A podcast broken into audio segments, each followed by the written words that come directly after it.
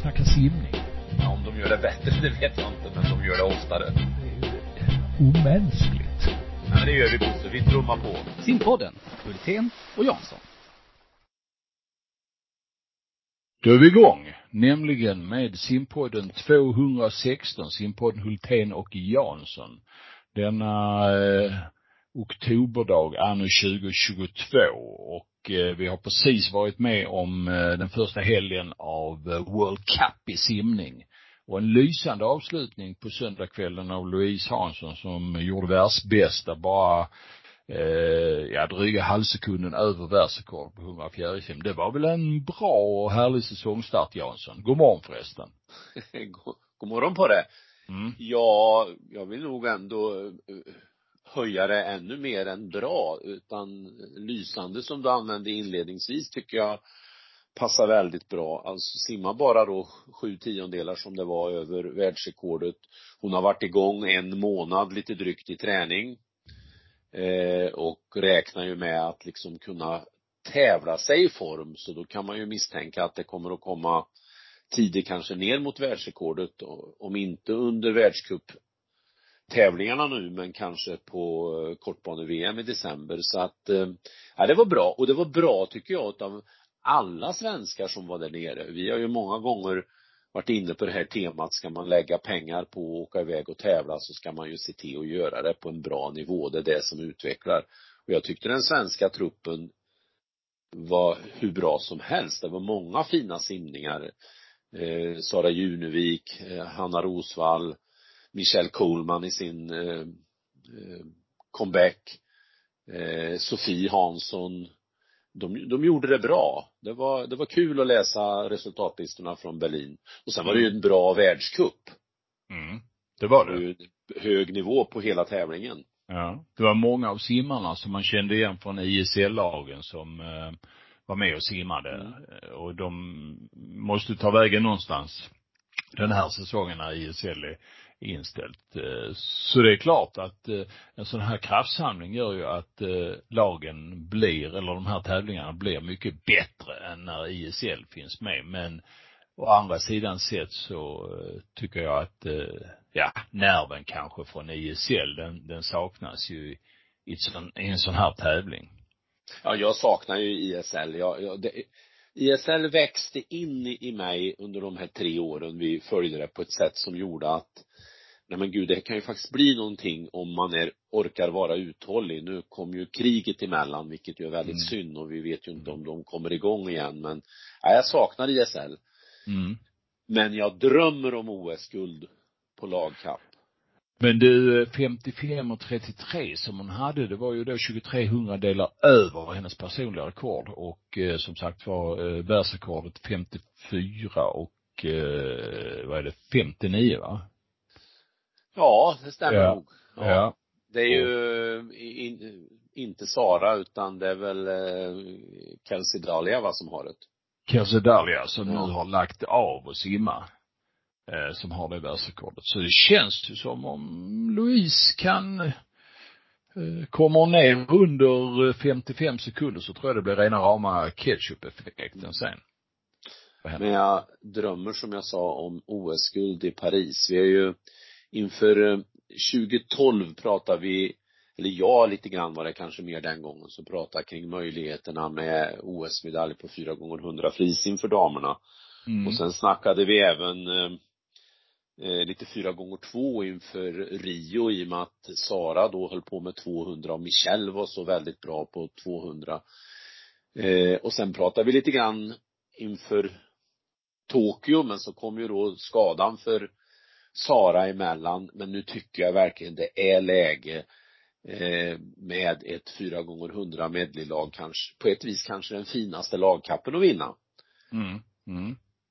Sverige har en jättechans där alltså, med mm. tanke på att eh, eh, och då ser jag framför mig uppställningen att det är Louise på fjäril och Sara på fritt. Det, den kombon tror jag är, man inte ska eh, eh, göra någonting åt va. Sen hoppas jag ju då att Michelle är tillbaka och blir ännu bättre än hon var i, i eh, Tokyo. Hon gjorde ju 59-6 där.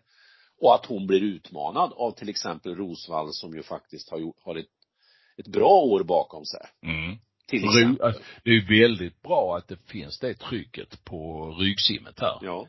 För det, det, är- det gör ju att bägge två förmodligen utvecklas. Så hon gjorde en del bra lopp. Hennes Hunga Rygg som bara räckte till nionde plats här 57 och någonting. Eh, åtta. Eh, Rosvall då. Och jag tycker att hon, hon gjorde ju, tog stora steg framåt på lång bana den här säsongen. Och Det finns Visst anledning det. Ja, det finns anledning att tro att hon ska komma ner en bit under minuten. Ja, det var bra. Utan var- att ha några sådana belägg, men hon upplevs mycket mer stabil nu. Alltså, det, det, hon levererar på en, på en bra nivå. Men eh, sen kan jag ju tycka, jag orkar inte hålla tyst. Jag, jag tycker ju att det är dålig journalistik av SVT när det görs en världstid, att det kommer inte med i eh, nyhetssändningen, inte ens nu på morgonen. Jag menar om en, en friidrottssprinter skulle springa under 44 sekunder på 400 meter eller göra 43 och 7 som det faktiskt krävs. Det skulle ju, då skulle de ju gå bananas. Mm. Mm. Så det är lite synd. Ja. Världstid utan att det syns. Mer än i något enstaka media. DN förstås. De Ja, och håller ju fanan högt. Aftonbladet också ska jag Och säga. Aftonbladet den här gången. De har ju lite koll på läget emellanåt i alla fall. De kanske har läst simma. Det kan vara så. Men du, eh, nästa helg så har vi tävlingar på hemmaplan. Vad har du att säga om det? Ja, vad har du att säga om det då? Ja, flera saker. Det vart ju en, en, en positiv upplevelse förra året att vara där nere på plats. Eh, för jag hade ganska höga förväntningar eh, i och med att man har följt den där tävlingen några år och vi har pratat om den. Och då var det många bra simmare med.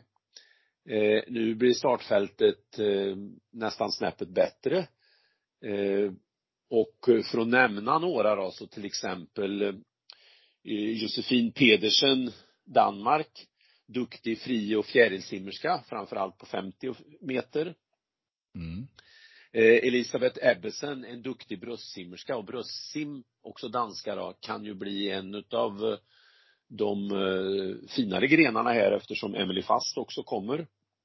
Och Jenna Laukkanen. Och gärna, ja just det, finska spjutet, Jenna Laukkanen.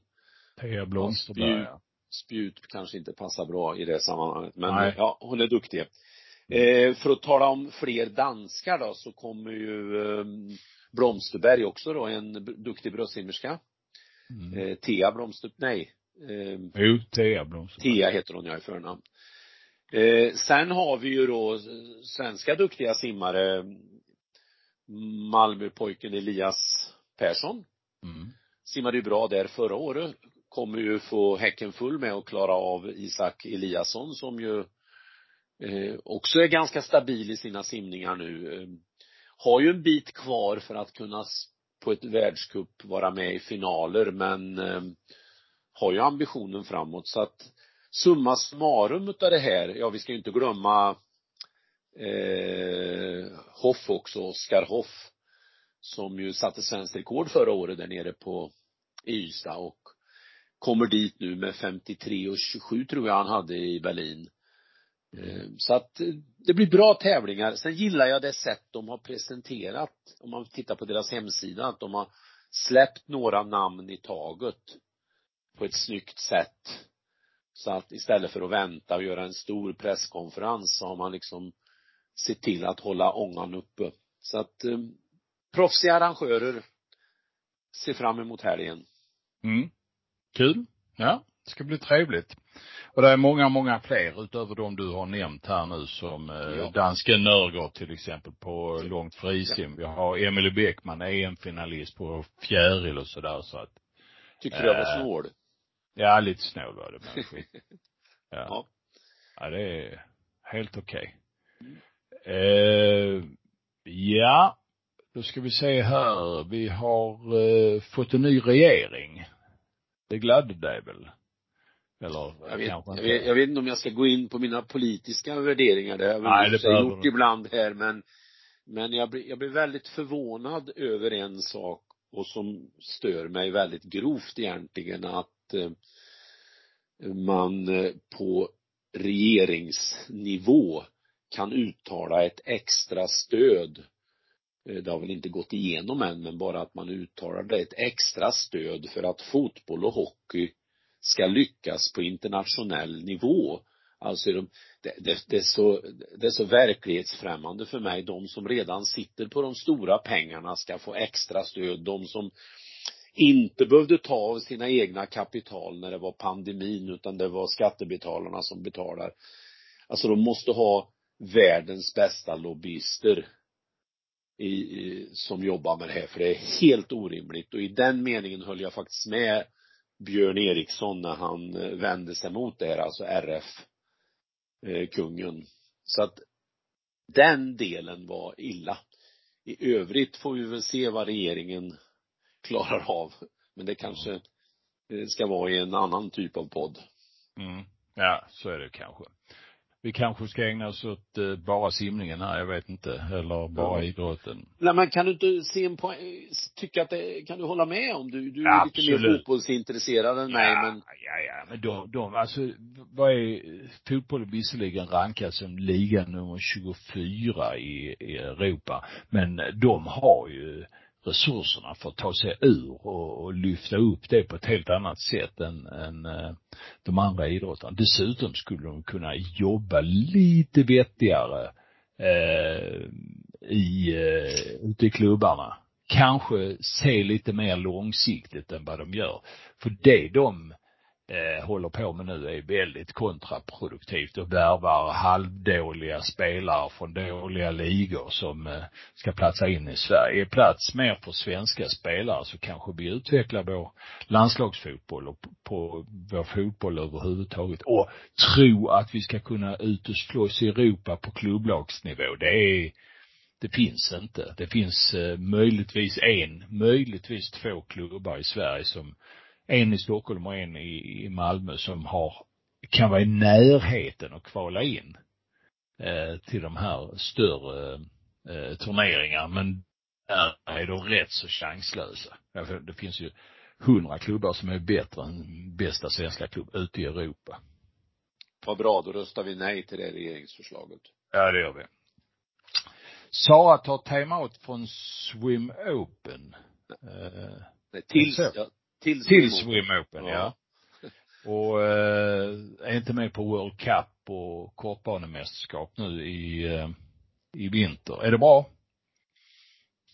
Ja, om man skulle prata i generella termer utan att prata Sara så är det ju många, många exempel genom åren, om, om jag backar bandet riktigt långt tillbaka och i många olika idrotter, där eh, idrottare som av olika skäl får göra uppehåll i karriärerna väldigt, väldigt ofta kommer tillbaka eh, starkare och bättre. Man har fått eh, perspektiv på olika saker och så vidare. Så att, att hon gör ett uppehåll nu och gör lite andra saker i, i sin vardag med lite mindre fokus på organiserad träning, det är, tror jag inte någon som helst fara med. Eh, det, det som gjorde mig lite förvånad var att det kom så sent in på hösten. Att det liksom inte kom som en effekt när hon var färdig i somras med Europamästerskapen i augusti.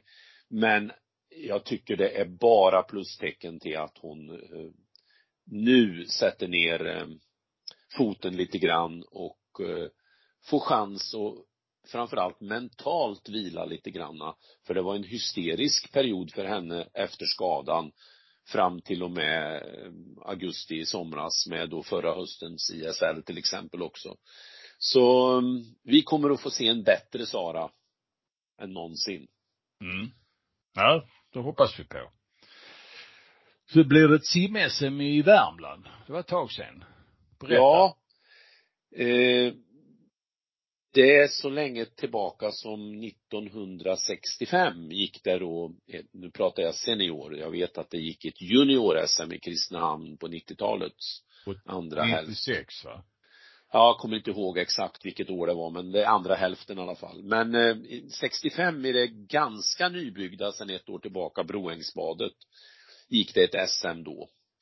Eh, på den tiden det var två skilda grenordningar på ett inomhus-SM och ett utomhus-SM med ett ganska smalt program på inomhus-SM. Eh, och något år före det hade det också gått på ett ännu smalare sätt när man la ut 800 på SM som ett nästan som en, en gren bara på SM. Då gick det i Karlskoga, jag tror det var 61. Men nu då, para-SM till Säffles nya fina bassäng. Eh, vi har ju, du och jag i några sammanhang, eller i alla fall en gång i samband med SM i Halmstad intervjuat Nils Lidberg som har funnits där under många år och eh, också matchat en del parasimmare så att det passar ju av många skäl bra att det blir i Värmland och att det får bli i Säffles fina bassäng och att det blir lite fokus på just para-SM. Eh, det går ju, går ju Eskilstuna nu i dagarna, eller i helgen som gick. Det gick mm. i Eskilstuna, så ska jag mm. säga. Mm. Mm. Så det är kanon. Mm. Ja, det är bra. Ja. Du, ehm, det blir en hel del utbildning i svensk eh, simning här eh, närmaste perioden tänkte jag säga.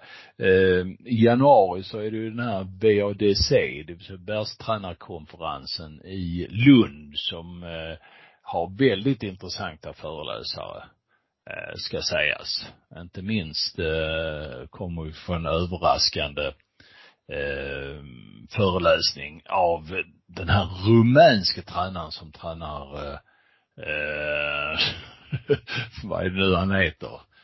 Popovic. Eh, yes, det är Frisimmaren, ja. Mm. Han kommer nog att bli mycket spännande och överraskande, eh, om jag förstår rätt, eh, för de som kommer dit och lyssnar. Sen har vi veckan efter eh, så har vi här precis eh, tvärs över gatan för mig en eh, tredagars teknikutbildning med den amerikanska simtränaren och simlegenden Jonty Skinner som under tre dagar kommer att ha ett gäng på 35 tränare här. Max, maximerat 35 tränare som kommer att få sig en duvning i teknik. Men också eh, kommer simförbundet att eh, presentera en utbildning när det gäller kravprofil i olika simsätt. Uppdelat i två omgångar, dels i november och dels i januari. Eh, någonting som eh, landslagstränaren Johan Wallberg håller i. Eh, det är rätt spännande, den här satsningen, en bra satsning på eh, utbildning i Sverige. Det behövs.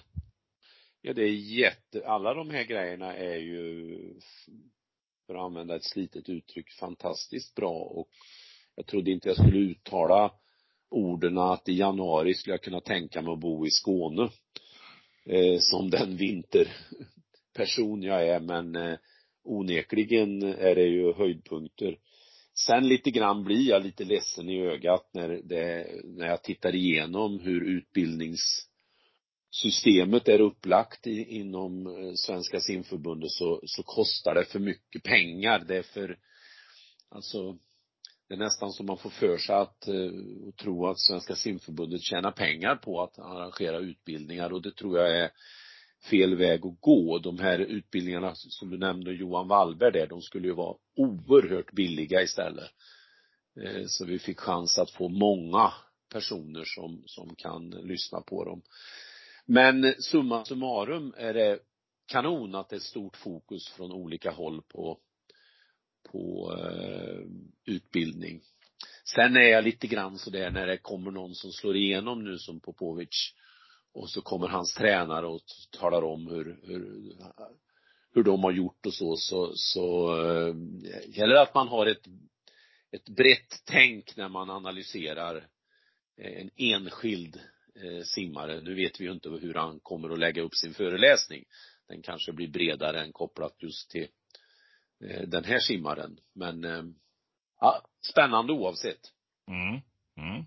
Ja men det är bra bra att det händer sådana saker i svensk simning och att eh, det tas de här intressanta greppen. Jag måste återigen eh, ge credit till eh, simklubben Poseidon i Lund som med en envishet genomför de här världstränarkonferenserna vartannat år. Det är mycket imponerande och mycket imponerande vilket kontaktnät man har byggt upp och eh, vilka föreläsare man eh, lockar till sig. Mycket spännande. Ja, det är bara att instämma. Imponerande. Mm. Det här med att komma igång och tävla i simning, eh, det man eh, på ett modernt eh, sätt kallar instegstävlande. Det vill säga ta steget från att inte ha tävlat som väldigt ung till att få komma in och göra sin första tävling. Det är ju en diskussion, runt detta har det varit en diskussion på vilken nivå man ska lägga det. Ska de rakt in i det mest skarpa med 150 funktionärer och som står där i, i eh, sina uniformer och, och eh, tittar med eh, argusögon på om simmarna gör rätt eller fel eller ska vi ha det lite enklare kanske i simningen. Nu, nu har det kommit lite nya regler Eh, runt detta. Det har du läst allting om, Thomas. Och du har varit också bra initierad och intresserad i den här frågan tidigare, det vet jag. Ja, om jag har läst allt, det törs jag väl kanske inte säga, men jag blev väldigt glad när jag inser nu vad, hur man på ett mycket, mycket enklare sätt kan eh, anordna en tävling. Eh, dels att ha färre funktionärer och de behöver inte vara då till en instegstävling till exempel vara funktionärsutbildade enligt boken utan de kan få en information på plats utav tävlingsledaren till exempel eh, vad man lägger fokus på. Och i det här förenklade konceptet då med färre funktionärer till exempel eh, så, så behöver det inte vara en vändningskontrollant på på eh, varje bana utan man kan eh, kanske ha uppsikt över två eller tre banor och sen ett regelverk som säger att det är bara några kriterier som man diskar för. Eh, exempelvis om du simmar fel, simsätt, alltså eh, du simmar, vad heter det nu, frisim när det ska vara bröstsim som ett sånt exempel. Eller att du verkligen inte har nått väggen innan du vänder, alltså sådana här uppenbara grejer. Men ingenting på detaljnivå. och som ett exempel då så har ju vi eh, ja, vi har ju ingen bassäng så vi har ju med hjälp av Kristinehamn fått arrangera vårt vår ungdomstävling eh, i Kristinehamnsbassängen. Och eftersom vi inte haft verksamhet på det viset, vi är ju snart det är snart fyra år sedan vi blev av med bassängen så har ju vi verkligen fått fightas för att behålla människors intresse för att kunna ha tävlingar och funktionärer men när vi då har gått ut och raggat funktionärer till den här tävlingen, när det är så här enkelt, ja då blir folk inte någon rädda för att ta uppgiften heller. Så att när det gäller just att göra det enkelt i början och även då på det som kallas eh, fortsättningstävling, eh, det är oerhört viktigt. Det är, det är jättebra. Sen den delen som handlar om resultatlister för 12 år och yngre etc. Den är ju oerhört komplex. Och jag kan ju förstå delvis de som blev eh, vad ska vi säga, störda på att det verkade vara två olika regelverk för hopp och för simning. Så den frågan får man jobba lite på. Jag tror inte vi behöver vara så rädda att vi inte kommer att ha några världsartister på grund av den där regeln, men, men 12-årsgränsen är lite svår egentligen. Men ge oss en kort uh, summary av uh, vad som gäller idag. Ja, alltså du behöver bara egentligen ha en funktionär som är utbildad på en instegstävling. Resten kan du utbilda på plats. Mm. Eh, det innebär att du i princip kan vara en 12-13 stycken på en sexbaners tävling, funktionärer. Mm. Du har att förhålla dig till eh, fem stycken case där du kan diska. Alla andra kan man glömma och de är sådär uppenbara. Och som jag nämnde, utbildning på plats. Mm. Enkelt. Och sen eh, väljer arrangören själv om man vill eh, säga att den här tävlingen ska in i tempus på det sättet. Hur det är tekniskt och det, det, det kan jag låta lämna därhän just nu. Men summa summarum, enkelheten, jag jublar och applåderar. Mm. Och sen när det gäller resultat Ja, då, då är det ju som så att har man en gren som är då 12 år och yngre, då är det eh, bokstavsordning som resultatlistan ska presenteras i. Eh, man kan till exempel också ha lottning när det gäller banfördelningen. Eh, sen kan man också välja då att om man har 50 meter till exempel frisim för fler åldersklasser, då kan man ju eh, i själva genomförandet lägga dem i en pott och dela ut banorna så att det blir en 12-åring som simmar med en 13-åring. Men i den specifika resultatlistan, då är det bokstavsordning. Mm. Okej, okay. bra. Eh, igår så tittade vi på eh, Eh, sportspegeln, ja lite mer än vad du gjorde. Eh, jag konstaterar då som, precis som du gör nu i summeringen att eh, Louise Hanssons lopp på Unga fjäril inte fanns med. Å andra sidan sett så var det lite tajt för SVT att få in det just i Sportspegeln. Men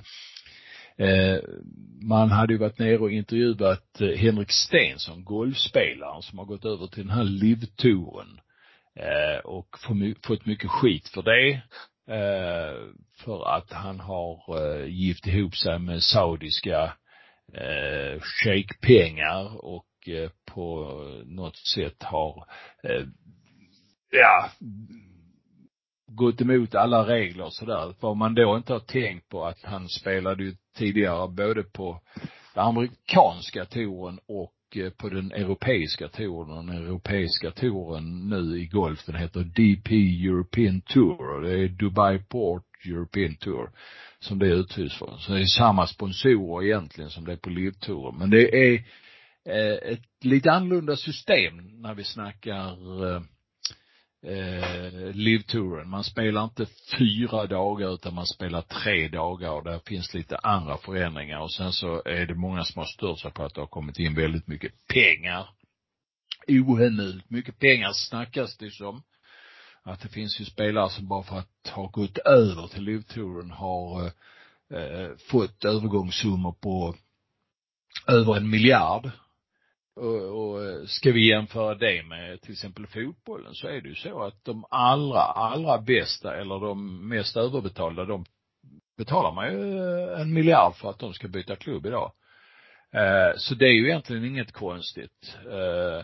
Vad Olof Lund som fick komma in och kommentera det här i SVT drog upp, det var ju att Eh, han gav andra exempel, till exempel det populära eh, ryttarlandslaget, hopplandslaget. Det tävlar ju eh, väldigt ofta eh, nere i den regionen och pengarna till de tävlingarna kommer ju från samma källor. I World Cup så tävlas det i både Doha och Dubai och Eh, det har ju snackats om sportwashing i de sammanhangen också, men inte pekats ut idrottsmännen på samma sätt som man gör med Henrik Stenson.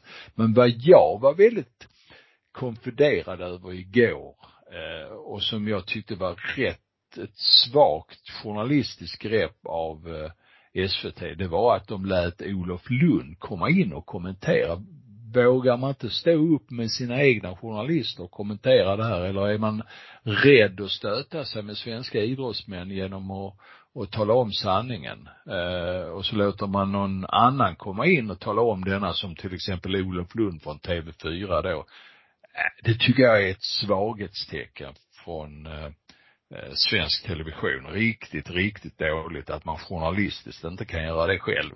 Och eh, är man rädd sen att inte kunna komma tillbaka till de här eh, svenska idrottsmännen och intervjua dem för att de blir lite sura. Eh, för att det blir de ju numera.